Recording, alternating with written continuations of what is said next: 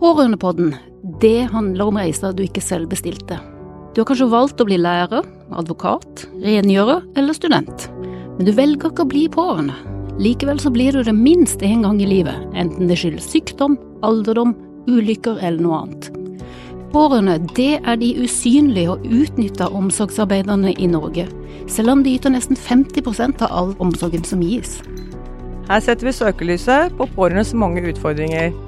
Vi tar samtaler med pårørende i alle aldre, med fagfolk, politikere og andre som har innflytelse over pårørendes hverdag, eller møter pårørende i sitt arbeid. Vi skal få frem de ulike perspektivene, og skal belyse ulike deler av omsorgen, både på godt og vondt.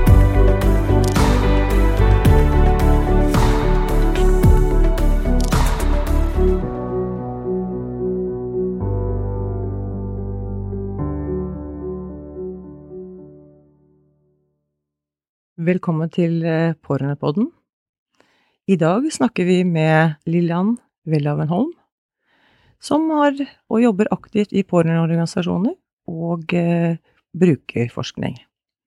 Så har vi fått eh, også besøk av Bente Haste, som jobber på Høgskolen i Volda og er førsteamanuensis. Vi ønsker dere velkommen, og vi vet at dere, begge dere to, har vært to engasjerte damer som har brukt deres erfaring i jobben videre og kanskje da spesielt innenfor det å skaffe kunnskap og formidle det ut, både til pårørende, men også til samfunnet og systemet. Vi er litt nysgjerrige og ønsker å høre litt på hva er det som har gjort at dere har engasjert dere, på bakgrunn av de erfaringene dere har hatt. Og da begynner jeg med deg, Bente. Ja. Hva er det som har gjort at du har vært så engasjert, og fortelle litt din bakgrunn, og hvorfor engasjementet har vokst med årene? For meg så er det sånn at jeg er utdanna barnevernspedagog, og ble jo opplært da i en veldig sånn psykoanalytisk, familieteoretisk perspektiv på dette her med utvikling av psykiske lidelser, psykiske vansker. Og så, ca. et års tid etter at jeg var ferdig, så oppdaga jeg det at dattera mi hadde en spiseforstyrrelse. Og hennes oppvekst hadde etter min forestilling da vært totalt i tråd med alt jeg hadde lært i opplæringa mi, altså i utdanninga mi. Så for meg så representerte faktisk den erfaringa et brudd med alt det jeg hadde lært. For det første i forhold til hva som forårsaker psykiske lidelser, og for det andre i forhold til hvordan man blir ivaretatt av systemet når et barn utvikla en vanske. Og jeg må jo si det at vi hadde forholdsvis dårlige erfaringer og ble veldig satt på sidelinja, selv om dette var snakk om en 14-åring. Og så ble jeg nysgjerrig, og så tenkte jeg, er det bare det at vi har hatt uflaks, eller er det mye sånn ute i dette feltet? Og så kom jeg i posisjon hvor jeg kunne begynne å forske på dette her. Så det er driven min i forhold til dette. Ja. Mm. Og du, Lillian? Og det er jo nesten samme historien. Vi også fikk eh, en datter, eller vår datter fikk spiseforstyrrelse da hun var 13-14 år. I motsetning til deg så opplevde vi å bli veldig godt mottatt av helsevesenet. Så vi fikk god hjelp fra starten av. Og jeg ser i ettertid at det har vært uvurderlig, for vi slapp sykehusinnleggelse og masse prøvelser i forbindelse med det, mm. selv om det overhodet ikke har vært en lett vei å gå. Men dette har eh, faktisk det at vi fikk et godt møte, det gjorde gnister hos meg. Så jeg har engasjert meg i pårørendegrupper etter hvert, i ROS, og en av våre behandlere fikk meg til å begynne å holde foredrag om pårørendes situasjon. Da begynte jeg med flippover, og etter hvert så lærte jeg meg å eh, si PC og powerpoint, da. Så det har vært en lang vei. Mm. Men engasjementet kom jo fra dette, at de pushet meg de gode mm. med, eh, hjelperne vi fikk mm. i behandlingsen. Mm. Men eh, når dere da begynte å gå ut som eh, pårørenderepresentanter, skulle ut og holde foredrag og ut og snakke om dette her, hvordan, hvordan ble du møtt da? Hvilken innstilling møttes du med når du kommer ut og sier nå skal jeg snakke om min erfaring? Ja, for mitt vedkommende så var jeg jo heiet på fra behandlernes side. Mm psykologen eh, til familien vår. Så hun holdt foredrag sammen med meg først, og heiet på meg, og de pårørende som kom og hørte på, ga jo meget god respons, da. Så da ga det jo litt mersmak, vi følte at vi fikk det til. Mhm. Mm. Men du da, Bente, som måtte komme Nei, inn med med dette her. jeg, sitter, jeg sitter nettopp og tenker, man tenker jo tilbake på sånne erfaringer som man har. Og jeg har hatt en sånn dobbel rolle, hvor jeg av og til har vært på noen konferanser, og så har det stått på skiltet mitt at jeg er fra LPP, Landsforeningen for pårørende. Andre ganger så har det stått at jeg er førsteamanuensis Høgskolen i Volda, eventuelt stipendiat Høgskolen i Volda, og det er påfallende hvordan man som førsteamanuensis blir hørt og lyttet til men som pårørende egentlig bare blir hørt sånn litt i, litt i forbifarta. Så den erfaringa av å ha forskjellig hatt i møte med, med det profesjonelle, med forskere og på ulike seminarer og konferanser, den har vært ganske påfallende for meg, da. Men når det er sagt, så opplever jeg også det å bli veldig mye brukt, og også støtta og møtt forståelse, og at folk melder tilbake at eh, vi kjenner oss sånn igjen i den forskninga som du presenterer her. Og det gjelder de pårørende sjøl, mens jeg sliter veldig med å få nok gehør, føler jeg sjøl, da, blant profesjonelle. Og det kan handle om det at dette er sånn kvalitativ design, at jeg har intervjua foreldre, gjør analyser av det jeg finner der, og da kan man alltids enten si det, at ja, du har så få du har snakka med, du, eller de kan si det, ja, men det er lenge siden. Det er lenge siden du gjorde disse intervjua dine. Sånn, jeg føler, generelt så føler jeg det, at det fortsatt er veldig manglende forståelse, og at det jeg sier ikke er troverdig i hva skal jeg si, forskere- og undervisningskretser i det jeg går ut og sier at det er egen erfaring. Jf. det jeg sier om å holde innlegg eller møte folk på en konferanse med de ulike navneskilta på. Har du noen gang møtt med begge rollene? Og, og sagt først så er det forskeren som snakker, og nå snakker jeg som Nei, det, har, det kan jeg ikke si Nei. nå på eh, stående fot at jeg har erfart, altså. Mm. Men hva, hva tenker dere om hvorfor at det er forskjell på hvis du har en tittel og hvis du bare sier at du er en pårørende? Hva er som, hva er det som gjør at det har mer troverdighet hvis du har en akademisk tittel, enn det du sier at du faktisk har en erfaring og kanskje levd med et menneske som har vært syk lenge, da? Hva tenker du om det, Lilland? Nei, det er vel kanskje uvitenhet eh, blant fagfolk. Det har vel mye større pasientfokus. Så de tenker ikke over at en pårørende er en pårørende. Men til det kan jo jeg si at jeg har jo bare hatt én hatt, selv om jeg har mange underhatter, for å si det sånn. Eh, Men de har liksom ikke vært gjeldende før jeg kom litt på banen. Men eh, det har jo vært mange en, Hva skal jeg si, det har vært eh, utrolig strevsomt å komme i posisjon eh, og bli anerkjent som en likeverdig innenfor da fagfeltene forskning og ja, fagfeltet eh, til behandler og, og sånn. Men jeg husker jeg har sittet, vært så heldig å få lov til å sitte i ulike råd, da. På, jeg kan jo si Oslo universitetssykehus. Jeg satt i Forskningsrådet der, og det første møtet jeg kom på, da var jeg i hvert fall ikke høy i hatten, selv om jeg hadde på meg pårørendehatten. Så da kan du si det at da jeg kom inn der, så var det en professor som satt i enden der, han var psykiater. Husker han hadde gull slipsnål. Og så ble jeg presentert av en ivrig møteleder som gjerne ville ha med en bruker. Det var litt nytt, jeg var den første i det rådet, Forskningsrådet. Og da eh, sier denne psykiateren at unnskyld meg, men hva er en bruker? Og da tenkte jeg at skal jeg fortsette å sitte her, eller skal jeg gå? Ta min hatt og gå. Nei, så jeg ble sittende. Og eh, det kom nok av at jeg hadde en del studier i bånn, så jeg hadde, hadde vært sammen med fagfolk før. Og hadde da litt selvfølelse nok til å sitte, og fikk backing da av lederen.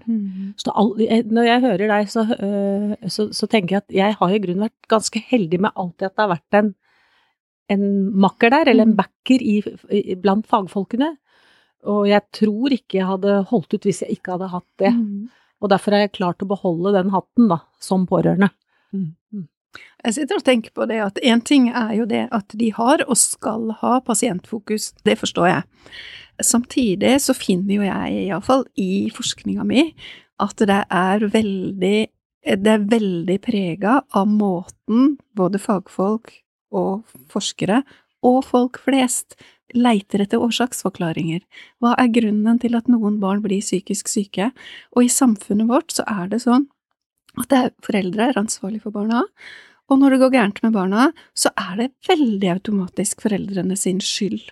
Så jeg opplever vel det at jeg gjennom det å ha denne bruker- eller pårørendekompetansen, samtidig blir kategorisert som en som ja, hun har sikkert gjort sitt beste, men det var ikke godt nok.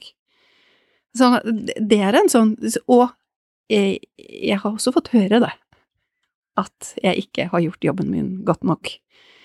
Og det har prega meg også veldig, så den selvsikkerheten som du beskriver at du etter hvert har fått, den har ikke jeg fått bygd opp eh, fra, fra fag, faglig hold, da. Men jeg har bygd den opp gjennom det å møte andre pårørende, og da snakker jeg masse, altså da er det sånn at jeg opplever at det jeg snakker om, måten jeg ser de pårørende som en ressurs, det treffer foreldre til barn med epilepsi. Foreldre til barn med, med cerebral parese, med utviklingshemming, så det gjelder mye mer enn bare pårørendefeltet. Nei, unnskyld, enn bare psykisk helsefeltet, da. Uh, og det er det som har styrka meg veldig i at dette her må jeg faktisk, faktisk fortsette med. Og så jeg, mener jeg jo selvsagt også noe, da, innafor i forhold til dette med forskning. Og da handler det om at eh, forskning tradisjonelt, og fortsatt i mange miljø, så tenker man at en forsker skal være objektiv, og mange tror det at vi fortsatt kan være objektive. Og i det du sier det at jeg har egen erfaring, så sier du at da er jeg subjektiv.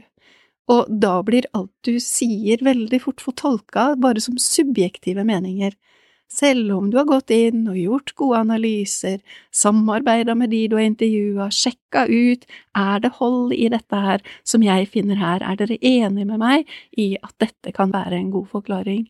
Så du bryter litt i det du sier du har egen erfaring, så bryter du litt med forskersamfunnets uskrevne regler, da.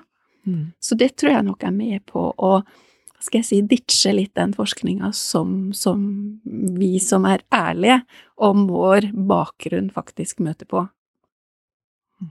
Og bakenfor der igjen, da kan det kanskje ligge noen holdninger? Ja, det er nettopp det. Jeg tenker at det er veldig mye knytta til de holdningene. Mm. At når du har faktisk har produsert et psykisk sykt barn, så er ikke du helt god. Ja, jeg har samme erfaring. Eh, i begynnelsen, for jeg var jo ikke barnevernspedagog, eller jeg var musikkpedagog, så jeg hadde jo ganske mye greie på barn, da. Og følte mm. også at jeg hadde gjort det som var riktig. Mm. Eh, men selvbebreidelsen kom kjempefort, og den slet jeg nok med i en mm. tre til fem år, tenker jeg. Jeg leste vel absolutt alt jeg kom over av litteratur når det gjaldt spiseforstyrrelser og kvernet i hodet mitt at hvor gjorde jeg feil, jeg kunne ikke finne ut hvor det var. Eh, men så kom vi da i behandling, og så sier eh, behandleren til meg, psykologen sa at vet du hva, du er ekspert på ditt eget barn, eh, og her får vi bare tenke fremover. Mm. For det å slå seg i hodet med at det er en årsaksforklaring i hjemmet, det var nemlig gjeldende, jeg har opplevd det også at folk tenker det, men det, det sa han, det må du bare glemme, fordi mm. da blir du så sliten, så du har ikke krefter nok til å tenke fremover. Mm. Dette har jeg holdt mange foredrag, for mm. dette har jeg følt skikkelig på, mm. på, kroppen.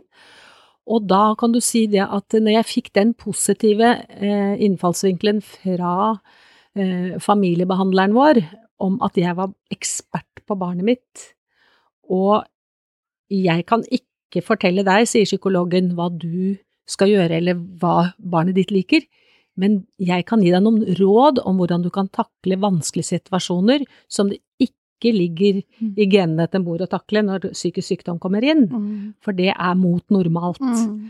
Så jeg fikk mange verktøy av han, men han var helt tydelig på at jeg var eksperten. Så har jeg også kommet til forskning, og nå ser jeg det at jeg er glad jeg har beholdt én hatt der, nemlig den pårørende, ikke blitt fagperson. Mm. For vi har hatt mange diskusjoner som eh, jeg som medforsker, med stipendiaten og professorene og veilederne, åpne debatter hva vi finner i transkriberingen og i hva vi har opplever informantene sier til oss. Og du snakker om å være subjektiv. Da sier jeg det er også fagfolk. Det er Ja. så viktig å understreke. Slik at, og det ser de faktisk selv, når jeg sitter der og Mm. på en måte har min subjektive Mm. syn på saken. Mm. Og nå har det blitt sånn at vi kaller dette her, og så sier professoren hallo, ja men du dette er interessant, du ser det jo helt annerledes enn meg. Ja, det er jeg glad for, sa jeg, for det jeg tror på, det er fagkompetanse pluss pårørendekompetanse, Mm. eller erfaringskompetanse, som det heter så fint. Og vi har funnet et kjempefint ord på det, og det kaller vi den komplementære kompetansen. Mm. Fordi, det kan man se, jeg er veldig glad i interiør og farger og sånn, da. Grønn fremhever rødt, ikke sant? Fagkompetansen fremhever erfaringskompetansen eller pårørendekompetansen, og vice versa. Mm. Og da får vi et mye bredere syn og bilde av den reelle situasjonen som vi driver med, og, og jeg mener at forskningen blir mye grundigere. Mm. Mindre subjektiv Mm. og mer objektiv når vi har med brukere og de som føler skoen trykker, da, inn i dette. Jeg har veldig lyst til å komme litt tilbake til det du sier om skyldfølelse, for det er jo et hovedfunn i, min, i mitt doktorgradsarbeid. Hvordan spesielt mødrene, men også fedrene, tematiserer veldig dette med skyldfølelse. Men det de også tematiserer, det er at de har ingen å snakke med om denne skyldfølelsen. Så det er en voldsom ensomhet knytta til dette. Uh, så jeg tenker at eh, der hadde det vært fint å få gjort en innsats. For hvis det blir snakka om, så blir det litt det du faktisk sier nå, at ja, ikke tenk på det, legg det vekk. Men blir det fort en sånn, det vi kaller for en form for ugyldiggjøring, og bidrag til en tabuisering? Altså, det er bedre å få det på bordet og kunne snakke om det, enn å si nei, ikke tenk på det, du. For da får du i tillegg beskjed om at oi, dette skal ikke du tenke på, men folk fortsetter jo å tenke på det. Sånn at jeg opplevde jo det når jeg gjorde mine intervju, og det var jo langvarig intervju, og det var gjentatte intervju, så opplever jeg jo det at foreldrene sier at det er første gang at de har fått snakka så grundig igjennom akkurat det med, med skyldfølelsen. Så eh, for meg så er det et av, de, et av de viktige punktene, og jeg tror ikke det er blitt noe bedre, for jeg tror at foreldrerollen i dag er enda mer fokusert på å gi barnet den optimale barndom, og klarer du å gi barnet den optimale barndom, og bidra til at det liksom får optimalisert hele potensialet sitt, da blir det bra. Sånn at det blir veldig at foreldrene blir gjort ekstremt ansvarlige. Så det syns jeg er et veldig viktig tema som jeg vil ha med meg videre fra min forskning. Og syns det er interessant at du og jeg har så forskjellig erfaring. For vi har havna i det jeg ser i materialet mitt, så finner jeg at foreldre til barn, altså mellom 12 og 16 år, de havner i enten inkluderte posisjoner, sånn som du har erfart, eller informerte posisjoner, hvor de får vite lite grann, men dessverre også noen som havner i ekskluderte posisjoner, hvor de blir holdt helt utenfor. Og det fra barn er 12-13-14 år gamle, altså. Og da er jeg litt tilbake, du sier du fikk noen verktøy. Og jeg opplever at mange strever og strever etter å finne sånne verktøy sjøl, Mm. og har veldig liten støtte på det. Sånn som en pappa jeg snakka med nå nylig, sier jeg vet ikke hvordan jeg skal være pappa til ei jente på 17 år med en alvorlig depresjon. Det kan ikke jeg vite. Nei, og det er, liksom, det, det er litt interessant at dere har to uh, forskjellige erfaringer. Og så vet jo vi uh, som, uh, iallfall fra pårørendealliansen, og som vi vet mye om i kunnskap, det er at det møtet med helsepersonell, eller når en blir syk, er veldig viktig. Og så vet vi også av undersøkelser at det er veldig, i hvert fall spesielt innenfor psykisk helse og rus, at uh, folk opplever seg ikke møtt og inkludert. Mm. Og så er du heldig, Lillian, at du har blitt det, og så vet vi, nå hører vi jo hvor viktig det er, da at man blir det. Så det, det er jo noe av inngangen, hvordan kan vi på en måte hjelpe Mm. til med at de blir inkludert, og det er det vi jobber med Mm. alle sammen daglig. Men det er jo også det med inkludert, da. Ikke sant? Én ting er hva dere sitter med skyldfølelse som mor og far, men dere har jo begge to vært ganske opptatt av dette med familien. Mm. Hvordan En ting er liksom når dere møter med en syk datter eller en sønn, men hvordan er det dere tenker på søsken til disse som eh, er i familien, som blir preget av en en av barna som blir syke? Eh, noen tanker rundt det? For mitt vedkommende så var det jo selvfølgelig all in. Jeg skulle redde min datter, for da hadde jo jeg skyldfølelse. Og eh, selvfølgelig så gjorde jeg da alt for henne, og jeg tok meg fri fra jobb et helt år og fotfulgte henne. Og det sier seg jo selv, på døgnbasis omtrent, så hadde vi to yngre og en mann som var masse på arbeid så tenkte jeg inni meg at ja, ja, dere er jo så friske, så dette klarer dere fint. Det kan nok gå for en liten periode, men det vi vet om spiseforstyrrelser er at det er svært langvarig. Så eh, det gikk vel halvannet år, så sa faktisk min mann til meg For da følte de seg så utafor hele banen, det, altså, så det, det var jo ikke noe hyggelig i det hele tatt, og jeg så ikke det. For jeg var bare fokusert på Mm. at hun skulle bli frisk. Og da sier man til meg, du, nå tror jeg du får velge henne eller oss andre. Det var jo litt fælt sagt, da, men det var jo Det som skjedde, var jo da at da våknet jeg. Mm. Og så fikk vi fokus på hele familien. Mm. Eh, og det fikk vi, det var før vi kom i familieterapi, da. Mm. Og så fikk vi litt familieterapi, og så, og så ja, fikk vi en annen, Mm. et annet samspill. Mm. Men at det har gått utover eh, de andre barna, det er det ikke tvil om. Mm. Men det var mannen din da, som sa det, ikke sant? Mannen min, vet du. Ja, det er jo det- flott at han så det, men jeg tenkte litt på de rundt da, i behandlingen, for du, har jo vært, du ble godt ivaretatt. Ja, og da, eh, barna ble veldig godt ivaretatt uh, i behandlingen også. Mm. Så, og da fikk vi åpne samtaler om hvordan de hadde det, og hvordan de opplevde det. Så, og det, det i, i- min forskning, da, som er snart eh, ferdig nå, så den er jo ganske ny, så har jo vi intervjuet eh, en del pårørende, og det jeg opplever der, det er jo at nå er det mye mer utbredt eh, med, med familiebehandling. Mm. Og i starten nå på, på pakkeforløpet så skal man jo få barn og unge med spiseforstyrrelser, så vil man jo ha familiebehandling. Men det er jo også ganske røft, for du blir jo veldig ansvarliggjort hele tiden for måltider. Og det er jo en huskestue hjemme, det der, da. Og foreldrene blir jo kjempeslitne. Så øh, Ja, og det går vel også ut over søsken igjen, det vil jeg tro. For øh, selv om de er med i denne familiebehandlingen, så opplever jeg ikke Altså, jeg, ingen snakker om søsken så veldig mye. Det har heldigvis endra seg, da. Søsken har Mm. fått, uh, fått status nå Mm. som pårørende. Innenfor alle områder, Innenfor, eller? innenfor alle områder. Ja. Ja. Ja. Mm. Så det tenker jeg er veldig, veldig viktig. Altså det uansett om du, har, om du er under 18 år og har en bror med rusproblematikk, eller ei lillesøster med cerebral parese, eller en søster eller bror med en spiseforstyrrelse, en psykisk lidelse, så er det i alle fall nå Jussen er veldig tydelig på at mindreårige søsken skal ha et tilbud. Og det er en sånn ting som jeg bare kan bejuble. Og det er både på grunn av egen erfaring og på grunn av forskninga mi. Når et medlem i familien, det er uansett det, om det er en spiseforstyrrelse eller plutselig psykose eller en kreftdiagnose, så blir det syke barnet, også hvis barnet begynner å bli større, iallfall hvis det fortsatt bor hjemme, så blir det hele familiens omdreiningspunkt. Og det blir så altoppslukende.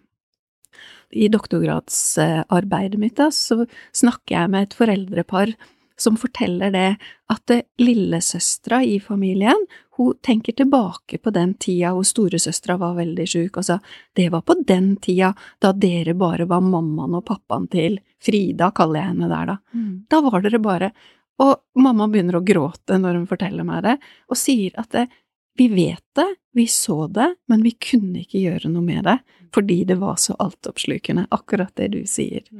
Og så Nå datt jeg litt ut her.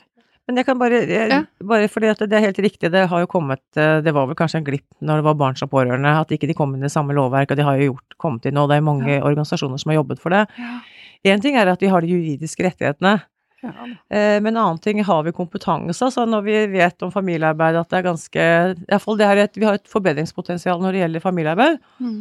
Så hvordan disse søsknene har det. Altså jeg har bare tenkt på litt sånn erfaringer Vi ser jo lite av det i, i brukermiljøene, eksempel. Altså dem stemme, da. Hva tenker dere, sånn som dere har opplevd det, tror du at eh, man kan bli flinkere til å ta vare på dem? Kan bli mye flinkere, og jeg trodde jo jeg tok vare på, på mine to andre barn, men jeg har jo spurt i ettertid hvordan de opplevde det, og et barn sa til meg at etter du hadde sunget nattasang for meg, mamma, så gråt jeg en time hver kveld. Da trodde jeg at jeg hadde snakket gjennom, men det som er, er at barna våre er så lojale mot oss, så når vi lider, så vil ikke de legge mer til Mm. lidelsen. Så, og det var veldig sterkt for meg mange år etterpå, men jeg virkelig la meg i selen for å være god mor, og tok Mm. tid. Jeg brukte tid. Mm. Men de var så lojale, så de ville ikke komme med noen problemer. Og da må jeg få skyte inn, når jeg har snakka om dette her til profesjonelle, så blir det veldig ofte fortolka som om det er noe i veien da med foreldre-barn-relasjonen, når disse søskna ikke tør å fortelle hva de sliter med. Og da tenker jeg tvert imot. Her viser disse søskna en enorm evne til empati. Både med den som sliter og er syk, og med mor og far. Det er jo helt fantastisk at vi faktisk har klart å oppdra unger Mm. som tar hensyn sånn i alle, i alle retninger. Og så lyst til å føye til også det i forhold til familie, familietilnærminger. Så håper jeg at du har rett, at det er økende grad av familietilnærming. Det kan hende at det er noe spesielt innafor, innafor spiseforstyrrelsesfeltet, men min erfaring nå når jeg driver med andre sånne studier, det er jo for eksempel at familieterapitimene blir lagt ned rundt omkring i ulike barne- og ungdomspsykiatriske poliklinikker.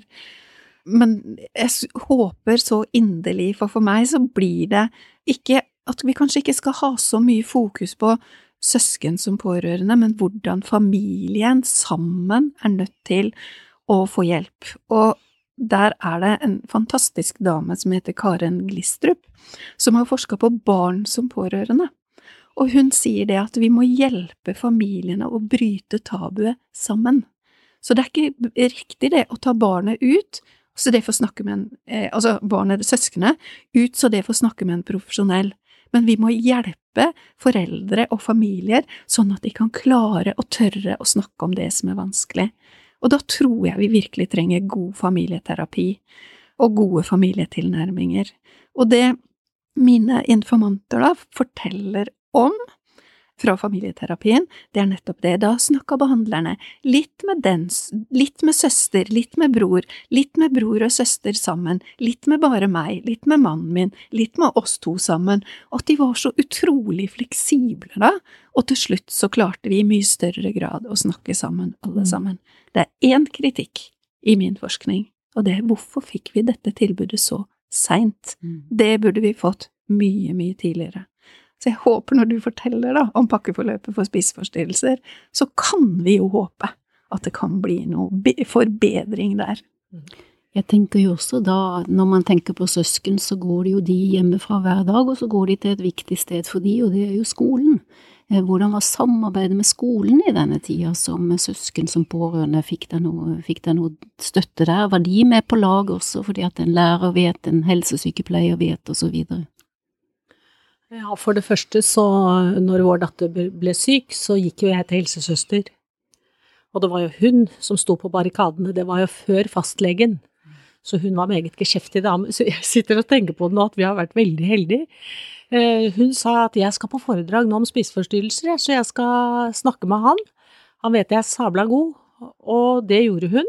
Så vi gikk jo ikke via fastlege eller noe den gangen. Det var rett inn på psykiatrien, det og fikk psykolog fordi hun var så geskjeftig. Så ja, nei, det var veldig bra. Nå kan det være litt for lang ventetid og, og sånne ting, men vi fikk det ganske hurtig. Mm. Men det var noe med barna du sa, med, med Nei, jeg tenkte på skolen. Ja, sånn, skolen, altså, jo. klassen, Og så, det var eh, helsesøster på den skolen, og så etter hvert som da vi skjønte at vi måtte ha behandling og at dette ble veldig ille, eh, så slet yngste vår litt med søvnen og sånn, og jeg tok da vi, Jeg og min mann valgte å være veldig åpne med dette. Det er ikke så lett å skjule igjen med anoreksi. Hun er jo Mm. meget tynn. Og så kan du si det at da gikk jeg på konferansetimen og sa at eh, sånn er det hjemme hos oss. Så hvis eh, datteren min er sliten på skolen, altså søsken da, søsteren, så kan det ha med den sammenhengen å gjøre. Så, en, noe bidrag annet enn at Men vi var åpne og fikk da støtte på det, da, kan du si. Mm. Mm. Ja. Det, det, er jo, det er jo en viktig arena for barn, akkurat som jobben er for det. Jeg tenkte også jeg skulle spørre deg, når du da tok fri fra jobben et år, var det, hvordan, hvordan var det? Hvordan sa, Ja, tenker man at til var- på jobben da? Ja, nei, nå var jeg en selvstendig næringsdrivende, så jeg drev min egen business. Så det gikk bra, og heldigvis hadde en mann som kunne dekke økonomien. Mm. Men uten det så hadde vi nok slitt veldig. Mm. Men han reiste til gjengjeld veldig mye, og jeg hadde mye eneansvar. Ja. Eh, Så det var tøft. Jeg var kjempesliten. Så når jeg kom til denne hyggelige og forståelsesfulle psykologen, så sa jeg nå tror jeg ikke orker mer, jeg. For jeg er helt utslitt. Og da klarte han å svare meg det er helt naturlig. Mm. Og da sa jeg da tar jeg noen år til. Eller i hvert fall uker, da. Så det å få den støtten, da, Ja. at det er vondt og vanskelig, det betyr litt, det òg. Mm. Mm. Tenkte vi bare skulle spørre om eh, Dere har jo vært gjennom en lang reise, eh, både personlig og ikke minst i forhold til det å skaffe kunnskap, brukermedvirkning og alt mulig. Men hvis vi kunne bare nevne kanskje en av de største utfordringene dere har møtt på denne veien. Ta bare ut én ting som tenker er en ja, kan være en barriere, eller som eh, dere kunne ønske at dere slapp å ha møtt. Vet det er vanskelig spørsmål, men eh, Bente? For meg er veldig enkelt. Ett ord. Taushetsplikten. Ja. Kan du utdype det litt, hva du tenker med taushetsplikten? Altså, det er jo sånn at eh, myndighetsalderen innenfor helse er 16 år. Så er det en unntaksbestemmelse som sier det at når barnet er mellom 12 og 16 år, og av grunner som bør respekteres, ikke ønsker at eh, foreldre eller andre foresatte skal involveres, så skal ikke de involveres. Og det tar man fortsatt veldig lettvint på. Sånn at når man spør en ungdom om skal vi snakke med mamma og pappa om dette, og de sier uff, nei, så er det uff, nei. Så jeg vet jeg holdt en gang et foredrag om Jeg snakka litt om dette med betydning av å involvere pårørende, og så fikk jeg respons fra ei ung jente som sa jeg har gått til så mange psykologer. Og når jeg var ni år, så spurte psykologen skal vi eh, snakke med mamma og pappa om dette, så sa jeg nei. Og så kom jeg en ny psykolog, da var jeg 13 år, og så spurte psykologen skal vi involvere mamma og pappa i dette? Nei, sa jeg. Men så, når jeg var 21, da måtte jeg ha noe hjelp i voksenpsykiatrien, og da sa psykologen her må vi ha en familiesamtale. Ja, sa jeg. Så det er noe med det der, og det er min erfaring, men også fra de som står i ekskluderte og informerte posisjoner, at det er så vanskelig å Mm. få, å få gjort noe med dette barnets uvilje mot å involvere foreldrene. Og dette barnets uvilje mot å involvere foreldrene kan nettopp handle om det empatiske barnet, Mm. som tenker at jeg orker ikke det at mamma og pappa skal ha det vondt på grunn av meg. Så det syns jeg er kjempeproblematisk. Her kommer du rett i gaten min, da, Mm. på den forskningen jeg holder på å fullføre nå. Og det er jo eh, Jeg har vært leder for mange pårørendegrupper i ROS, og det jeg sitt, eller satt igjen med etter det Reiste land og strand rundt i mange byer i Oslo, så dette er ikke bare en liten gruppe, det er mange mennesker. Hva gjør vi når barnet mitt blir 18 år, eller 16, som du sier? For da Jeg har snakket varmt om familiebehandling. Og involvering av hele familien, det skjer jo nå veldig mye mer, og også kommer i pakkeforløpet for eh, De mener at det er det beste der, nesten Mm. pålagt, i hvert fall anbefalt. Så skjer det noe idet barnet ditt da blir voksen, så er det akkurat som en gap. Derfor heter vårt forskningsprosjekt Mind the Gap. Mm. Eh, For der er det mange som faller ut. For da blir akkurat som fra nesten du er 17,94 år og til du blir 18, nesten fra en uke til en annen, Mm. så er du plutselig voksen. Og fra å ha med mor og far i behandlingen til da å skulle stå ansvar for alt selv og si ja og nei til ting, Mm. eh, det er en kjempebrå overgang. Mm. Og foreldrene, som pårørende, da, det er jo det vi skal snakke om her, Mm. De føler seg helt satt på sidelinjen. Mm. Det blir nesten ikke gitt informasjon, og særlig når det gjelder spiseforstyrrelser som da deres barn har, eller ungdom, vil vi si voksen ungdom, som også ofte ikke er så moden som 18 år etter så lang tids forløp med eh, spiseforstyrrelser og Mm. sykdom, psykisk sykdom, så er det liksom eh, eh, ja, litt komisk, på en måte, da. At man plutselig da ikke skal ha med foreldrene og ikke få noen beskjed. Og en som har eh, anoreksi eller en spiseforstyrrelse, er veldig ofte ambivalent.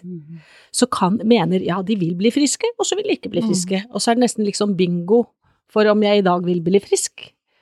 Og derfor, eh, ja, er det, har vi Mm. nå hatt, spurt behandlere, pårørende og pasienten selv hvordan de opplever denne overgangen. Mm.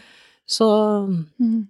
Det er vi nå snart i ferd med å avslutte, så det kan jo bli spennende å publisere. Det blir veldig spennende. Ja. Jeg skal bare ta opp litt det videre med taushetsplikt, og det er jo klart vi hørte. Og jeg, det er jo noen år siden vi hadde noe som het Møteplassen i Drammen. Mm. Og da velger man tema, og så valgte vi tema taushetsplikt. Eh, og det kokte over, altså. Så det er helt klart at her eh, De er et, veldig ofte et rødt eh, flagg for pårørende. Og så er det hvordan vi praktiserer det, da. Så er det enten det om pasienten skal bestemme, eller så kan det vel kanskje også ha noe med helsepersonellets utrygghet å gjøre. Og få flere de skal forholde seg til. Ja. Det er jo krevende av og til med en hel familieterapi òg, Absolutt. Ja. så jeg tror du er inne på noe der. Ja. ja. Det er jo veldig ulikt eh, tilnærming da fra behandlere i barne- og ungdomspsykiatrien, så har man jo familietilnærming. Sier de. Ja. Jeg har opplevd mye av det, da, men det er, det er dessverre et langt, Mm. la, landstrakt land. Mm. Men eh, veldig ofte har de mer familieterapi, i hvert fall der. Mm. Også det med individuell terapi, det er jo helt to forskjellige tilnærminger til særlig det med ansvarlighet, da. Mm. Jeg tenkte jeg skulle bare oppklare et par ting som du nevnte, Lillian. ROS, det er eh, organisasjonen for Rådgivning om spiseforstyrrelser. Ja. Bare for at de lytterne hører på det. Og så tenkte jeg litt med familie, som du sier at du håper at det blir mer familiearbeid. Mm. Pakkeforløpet innenfor spiseforstyrrelse har jo valgt å få inn eh, at de skal ha familieterapi, og det baserer seg på kunnskapsbasert praksis, ikke sant. Og så har man kanskje ikke så mye god forskning på andre steder, så det er vel kanskje derfor, akkurat innenfor det feltet Lillian snakker om, at man nå har satt i gang. Men det er ikke det de andre pakkeforløpene. Så da er det kanskje en jobb å gjøre der, å få det også inn, tenker vi. Og det er jo noe vi kan jobbe med i pårørendealliansen. For det er jo bare videreførelse av det. Så du har nok litt rett i det. Ja, altså, og det som for meg i, i forhold til barne- og ungdomspsykiatrien, det som er veldig påfallende for meg, det er at feltets selvforståelse er det at vi driver jo hele tida med familiebaserte tilnærminger. Mens mitt poeng er at når foreldrene og søsken ikke erfarer at det er familiebasert, da kan ikke vi kalle det familiebasert, altså. Og som du sier, at dette langstrakte landet vårt, som gjør at du er ganske prisgitt, ikke bare hvilken BUP du kommer på, men hvilken behandler du får tildelt i BUP-systemet. Så når jeg hadde en sånn form for oppsummerende samtale med de som hadde vært med i min studie, så måtte vi konkludere med det, at det er, dette er et lotteri. Og det gjaldt punkt én i forhold til hva slags hjelp og støtte du fikk i hjelpetjenestene, primært i, eh, i barne- og ungdomspsykiatrien, og så litt tilbake til dette med skole. For der var også så avgjørende viktig hva slags samarbeid man kunne klare å etablere med lærerne og med skolen i forhold til dette med recovery. For eh, det jeg også har lyst til å si, da, det som viste seg når jeg hadde gjennomført min studie, det var at jeg hadde jo vært med på å studere tilfrisknings- og bedringsprosesser. Og det ga jo også et veldig, veldig håp, så hvis jeg skal si et stikkord, et stikkord til i forhold til det Én ting er taushetsplikten, som har vært veldig problematisk, og som jeg ser i materialet mitt og i andre ting jeg gjør, veldig problematisk. Syns også at det med å holde håpet oppe om at det er faktisk bedring, kanskje ikke full tilfriskning, i mitt materiale er det full tilfriskning, men det måtte gå fint an å leve et godt liv og høy livskvalitet, selv om du fortsatt sliter litt med den psykiske helsa di, mm. og hjelpe foreldrene å holde, og andre pårørende, å holde det håpet varmt.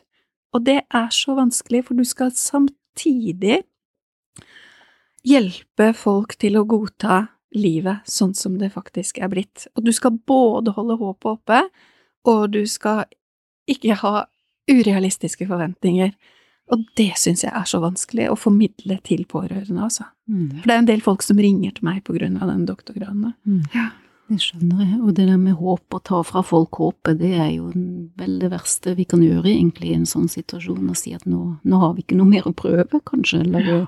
hvordan, hvordan går veien videre så har vi også hørt, eh, og folk som har skrevet i undersøkelsene våre, at det er et sånt eh, postnummerlotteri. Altså det er ja. avhengig hvor du bor, hva slags hjelp mm. du får, fordi det, mm. det, det, det, kommer inn fra flere. At, og det går jo på tvers av diagnoser. Det er jo folk som sier at jeg skulle ønske det var kreft, for eksempel, fordi mm. da hadde vi fått en helt annen behandling og oppfølging enn det vi, det vi opplever nå på dette feltet her. Mm. Så da er spørsmålet videre, er det stor forskjell på hvordan man møtes i, møtes i psykisk helsevern som pårørende kontra i somatikken. Det, da mener du kroppslige sykdommer? Ja, i kroppslige ja, så når man har vondt i halsen og sånn? Mm, ja, eller kommer med en kreftdiagnose eller en annen eh, biologisk uh, sykdom, da. Fysisk. Ja. Nei, jeg kan nesten ikke svare på det, men uh, jeg tror jo Altså, psykiatrien har jo ja, Det er i hvert fall mye verre å for oss pårørende å skulle møte psykiatrien, mm. en psykiater, enn å møte en fastlege. For jeg husker vi hadde jo en enorm terskel for å komme inn i behandling i psykiatrien.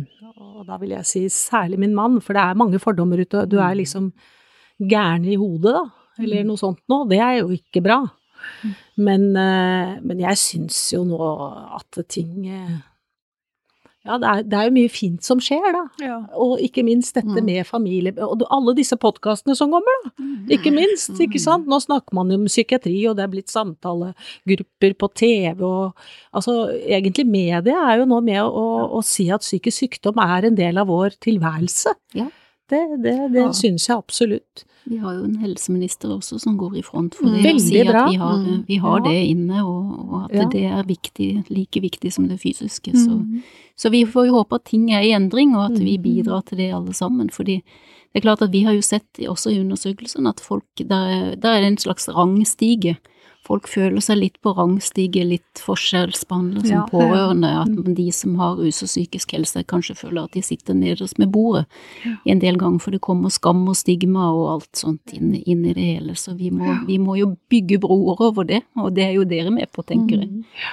Jeg, jeg hadde lyst ja. Får jeg lov til å si ja. også litt om dette her i forhold til å møte, møte profesjonelle i somatikken, satt opp imot psykiatrien, så er jo for eksempel dette med at vi har en forskrift om barn på sykehus.